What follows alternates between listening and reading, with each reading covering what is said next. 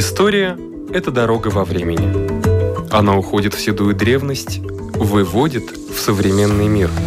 Она показывает, рассказывает, объясняет.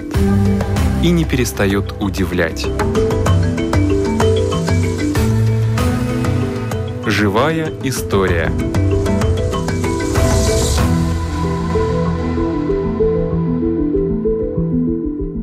У микрофона Лидия Чера. Здравствуйте! Еще несколько дней и фестиваль Дни поэзии 2020 начнется. А пока поговорим о главной поэтессе Латвии – Аспазии. А может быть, она сама нам что-то скажет? Esat sveicināti, godājamā publika, visi, kas un manis uzklausās. Man jāatstāsta, kādi zinekļi mani dzinuši ir rakstīt taisni lūgas un taisni lielas drāmas. Nevar teikt, ka kāds varētu iemācīties. Viss, kas izaug, kas ir talants, ir tāpat kā putnam pārni, kā kokam ziedi, nevilšas. Мое имя Ария, которое, конечно, связано с работами Райниса. И фамилия Ванага, и я совсем местный человек с нашего города Юрмова.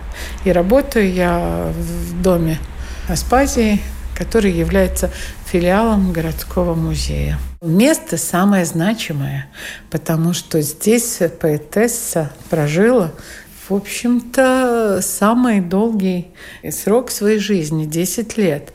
А музей открыт с 1996 года, но он имеет очень хорошую предысторию, потому что в 1986 году, это еще, скажем так, советское время, э, на террасе дома, где она проживала, было открыто э, панно Антони Гулбы.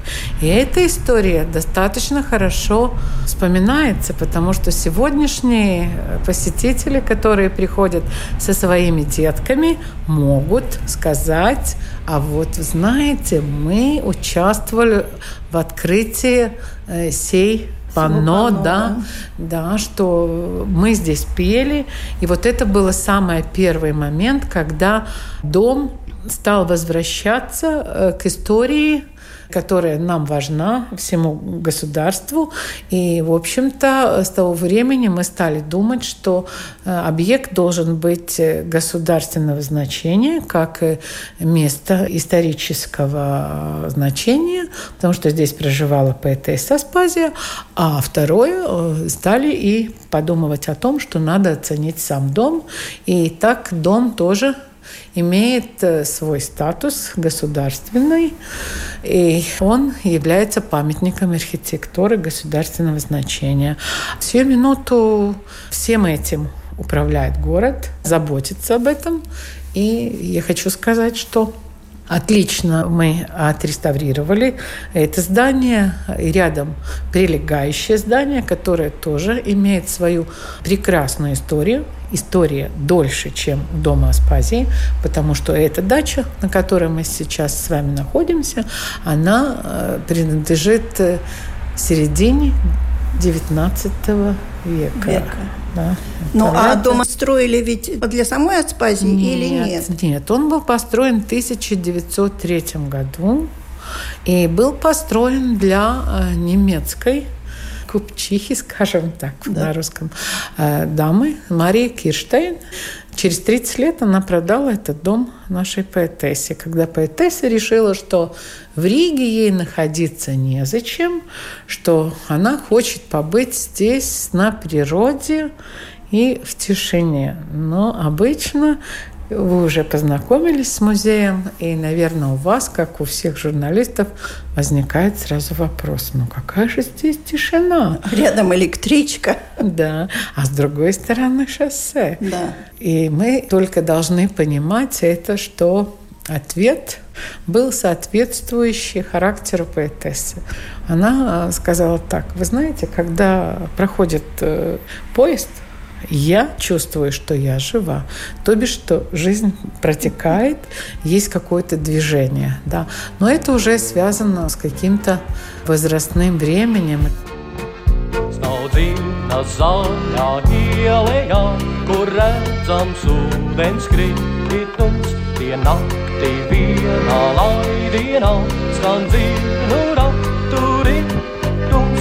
mūžam rati klapien, kura melders augšu klēju pie un rīko savus ļaudis.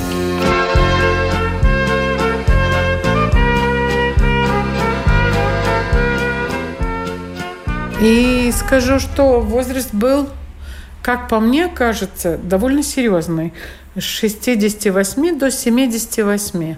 Но опять-таки это история, которая по сей день жива, она говорит, что в это время Элза Плekšana, Аспазия, была очень-очень активна именно все-таки в творческом смысле, потому что 1933 год, когда она переселяется в Юрмалу, уже знаменуется книгой, которая называется «А, «Путешествие души» или на латышском «Двеселс ceļojums». Прекрасное собрание а, стихов. Потом через три года выходит следующее, которое называется «Сыпанные розы». Оно несет прекрасное название, но такую больную историю, потому что все книги есть стихи, которые посвящены президенту Улманесу, и э, поэтому книга э, отчасти изъята или, скажем, даже в фондах э, Большого государственного литературного музея просто вырезаны эти листы. Но мы можем порадовать вас. Вы можете у нас прочитать то, что она писала. Но жизнь достаточно жестоко обошлась с ней по этому поводу, потому что сей минуты, наверное, уже вот с этого года ее начали отталкивать именно от писателей. И в сороковом году, когда уже сюда пришла другая власть, уже вторая власть, которую она переживает в этом доме, ее совсем отталкивают, потому что ее не принимают союз писателей и прочее. Ну, а следующее гласит о том, что, в общем, она не занимает то место, в котором она должна была быть, как в литературе, так и в государственной истории. Но мы сейчас с вами все работаем на то, чтобы возвратить то, что потеряно, и чтобы Элза Плekšana или Аспазия могла занять значительное место, то, которое ей полагается по ее заслугам, как творческим, так и социальным, культурным, общественным. Самые главные услуги, конечно, заслуги ее в том, что она была одним из основателей демократического государства. Но перед этим она была пробуждателем народного сознания, сознания угу. латышского народа, что является самым важным и что нигде не сказано. Но мы должны поблагодарить переводчика, стихотвора нашего великолепного, вашего, наверное, бывшую коллегу Ольгу Петерсон, которая позаботилась, чтобы те, которые не так хорошо владеют латышским языком, или же гости нашей страны могли познакомиться именно со стихами, э, с работами Аспазии. На русский язык ее переводили уже с начала XX века. Во-первых, Э, человек, который переводит, он должен быть э, по своему призванию, по таланту, должен быть поэтом. И вот э, нам, конечно, повезло с этим. И я думаю, что повезло и с переводом на немецкий язык, потому что Матиас Кно так великолепно уже владеет латышским языком, и он тоже поэт, и он тоже очень хорошо перевел очень важную книгу в оставленном наследии Аспазии. Да, это книга Саркина Спутис, то есть «Красные цветы», где самые-самые такие ее значительные тексты, которые фактически и показывают значение поэта, потому что мы можем, конечно, писать стихи про прекрасные цветы, просто романтические стихи про романтическую любовь. И такие она тоже писала. Такие тоже она писала, да. Но когда стихотворение несет э, что-то больше, когда оно говорит когда нам это послание. Послание, да, когда оно нам говорит, что следует делать и показывает именно ну, своим поведением в стихе, да, вот, вот, вот это самое главное. Это то, что фактически она э, сделала тогда э, ну, с нашей латышской нацией в то время, когда здесь не было Латвии. Я понимаю, что Аспазия жила только в той части. Сейчас мы находимся это в даче, где она дом. не жила. Да. Это совершенно другой дом. В том доме мы тоже были. Хороший архитектор там поработал. И хорошая планировка. Мне очень понравился этот дом. Там есть и веранда, там есть и второй этаж, там есть даже, даже можно видеть море.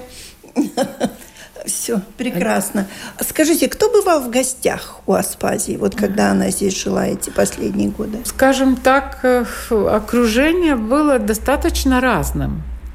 Оно представляло известных людей культуры, министр культуры, тогда в военное время уже Карлс Скаубе – Э, Вероника Стрелерте, великолепная поэтесса. Потом очень многие журналисты ее навещали. И очень часто писали о том, как здесь проживает поэтесса, что же она делает, какие у нее планы на будущее. И это очень важно, потому что э, не всегда творческие люди, как там Петерис или Антонс Биркерц, э, литература веды, и, писатели в том числе оставили свои воспоминания о Спазии. Но именно журналисты, они сделали великолепную работу для того, чтобы мы на сегодняшний день могли восстановить истинную картину, угу. ее увидеть. Потому что не так много у нас фотографий, но у нас есть еще описание нотариуса, э, что находится в доме. Да, к сожалению, это был печальный случай. Э, но вот самое хорошее сделали журналисты, да, хотя мы сейчас все говорим, вот желтая пресса, но они великолепно описали то, что находится в комнатах, предметы искусства с названием картин, э, с фамилиями авторов. Это нам очень-очень помогло, чтобы полностью можно было восстановить истинную картину того времени. Но, естественно, у нее э, были и такие постоянные друзья, которые ее навещали. Эти были в военное время, было такое общество помощи, да, они заботились о том, чтобы всего хватало, как еды, так, может быть, одевания. И это были две сестры, Алисе Стунда, потом она вышла замуж за художника Осиса, и еще э, вторая ее сестра Анна Стунда, которая очень помогала, она фактически выполняла место секретаря, очень много переписывала как раз ее рукописи. Но самое важное было, наверное, последний момент ее жизни, когда надо было заботиться о оставленном наследии, потому что было военное время – и это надо было все прятать так, чтобы оно э, не пропало, то есть чтобы не было уничтожено огнем или просто каким-то несчастным случаем. И в этом очень повезло, что вот э, такой Херман Скалпинч был, работник культуры, он очень заботился, и рукописи Райнеса и рукописи Аспазии были здесь же э, рядышком, недалеко от дома, закопаны, а потом их раскопали еще раз все переписали наконец-то, чтобы был и список этих э, вещей. Но потом запрятали, но все, естественно, узнала полиция. Ну, все было как бы раскрыто, но прекрасно, что все все-таки сохранилось так хорошо. Да к сожалению, письма Зенты Маурини, которые тоже были завернуты очень аккуратно и в железную коробку положены, они, к сожалению, в очень плохом состоянии. Тоже она около дома закопала, да. но тогда... А, между прочим, Зента Маурина, как ни странно, это вообще великолепный рассказ про нее. Она тоже пишет о Спазии, и обещается все время приехать в гости, но сожалеет, что никто ее не может привести, и пишет, значит, что очень хочет поговорить, что ей так нравятся эти прекрасные встречи. Она вспоминает интересные разговоры об искусстве, об истории.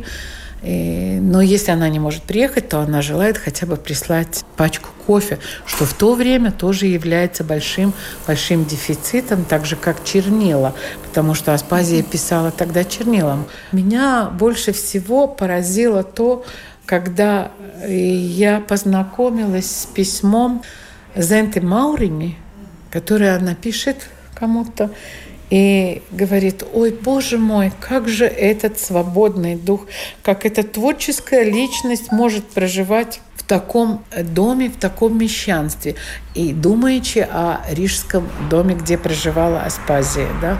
То есть э, в то время она интересуется только Райнисом, и она видит его творчество и его душу, э, его полет.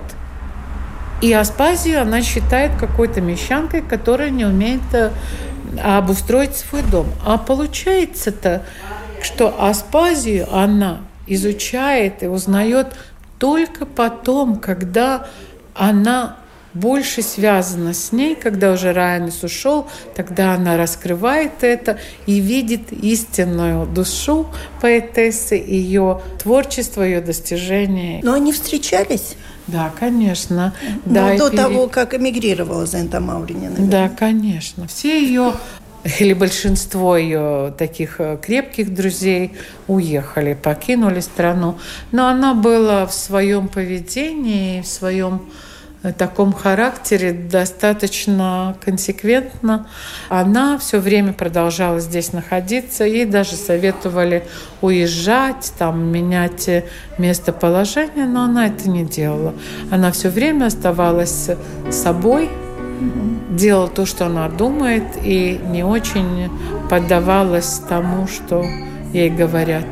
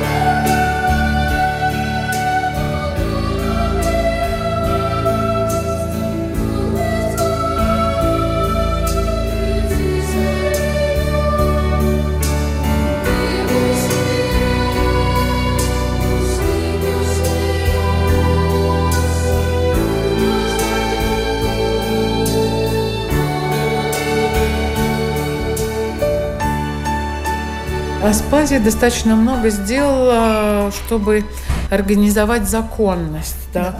то есть право женщины. Это раз. То, что связано с просвещением и очень много других вопросов с миграцией, с эмиграцией, потому что у нее э, был этот опыт, она достаточно много выступала. А с Ранисом просто было очень хорошо и удобно, потому что ну, его надо было э, сделать кумиром, да. потому что поэт, мужчина, и здесь никакую роль даже не играл то, что он был министром того времени просвещения, да, он просто очень хорошо подходил, и ничего не надо было трудиться. А со Спазией было так, что все-таки она была женщина. И даже, хотя в то время женщины уже могли быть избраны и избирать, все равно не было такого сильного равноправия. Ну, началось, конечно, и тем, что похоронами Брайниса, да. но не более слабыми были, были похороны Аспазии. Это было чуть ли не митинг и революционный момент во время войны. Это было очень-очень впечатляюще.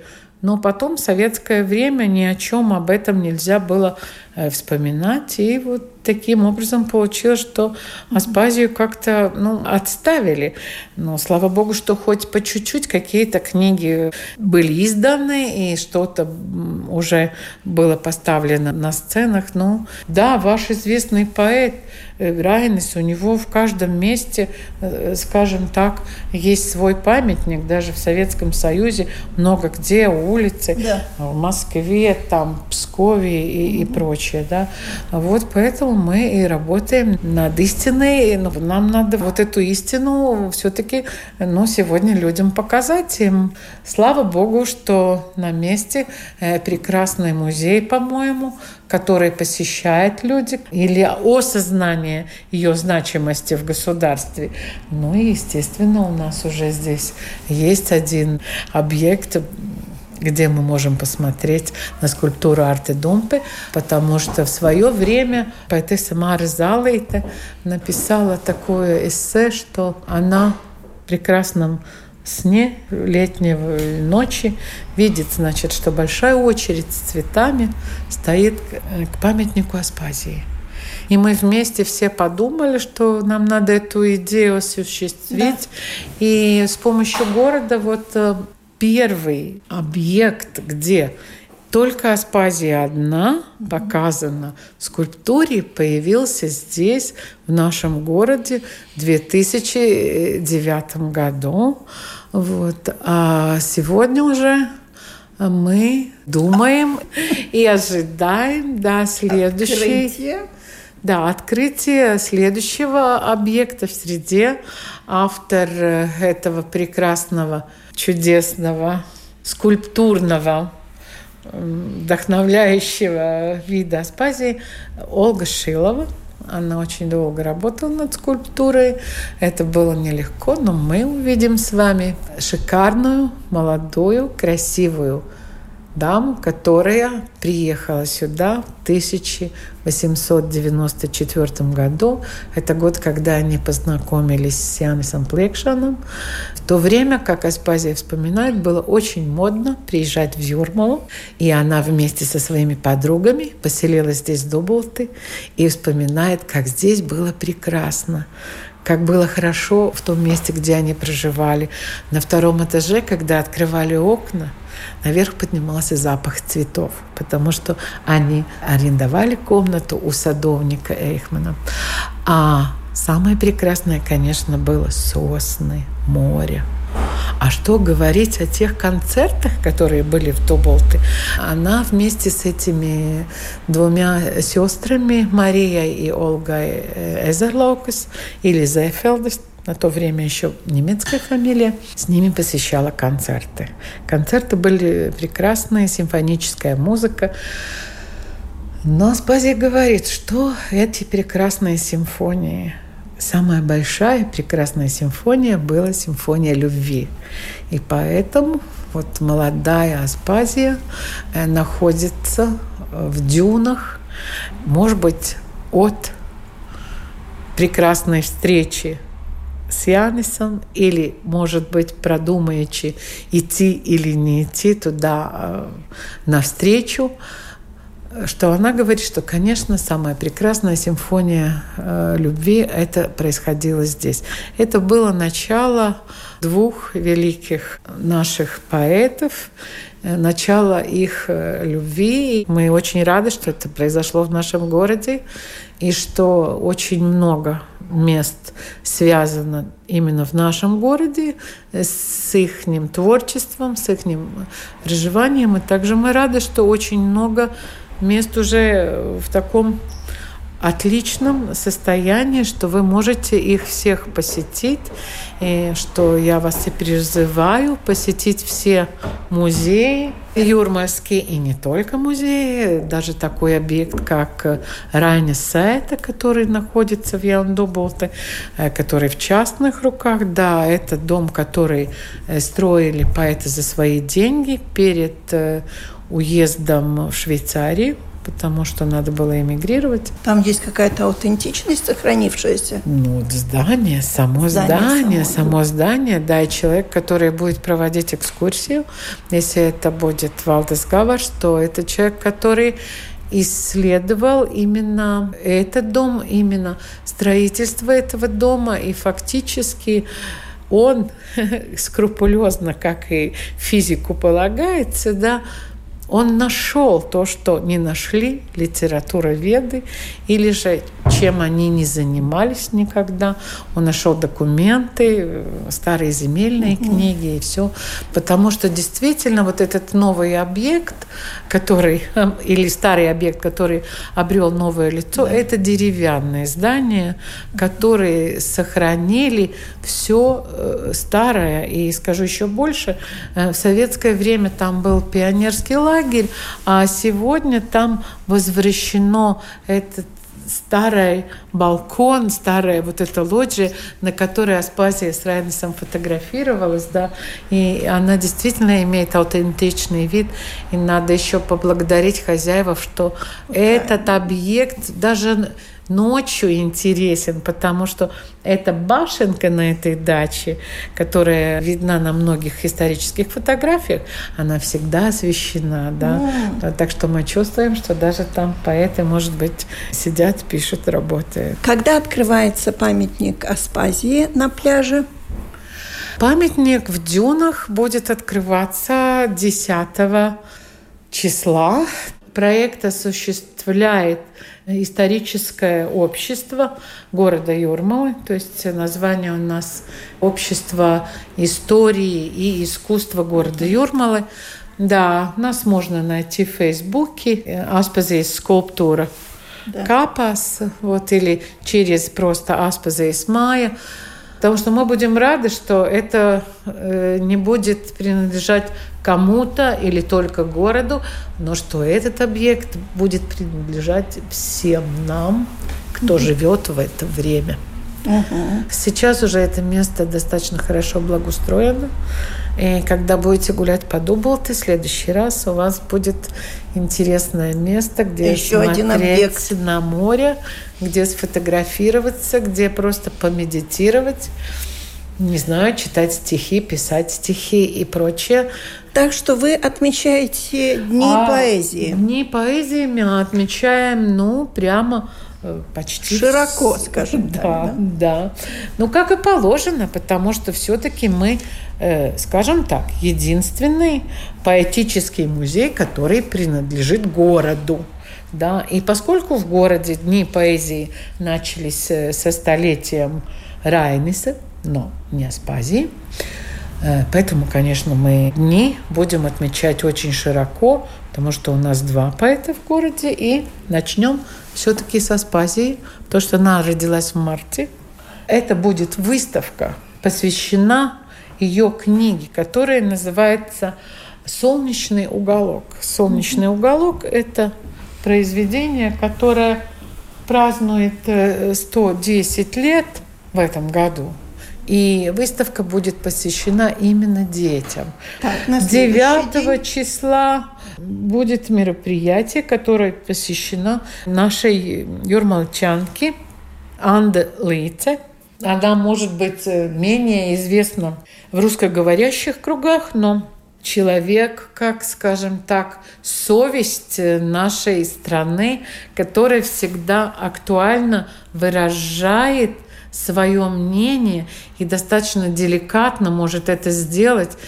Очень интересная личность, и она же является лауреатом премии Аспазии, да? Да. потому что в Елгаве они нашей поэтессе, которая родилась в той стороне Елгавской, сделали литературную премию, и Анда Лице является вот лауреатом этой премии.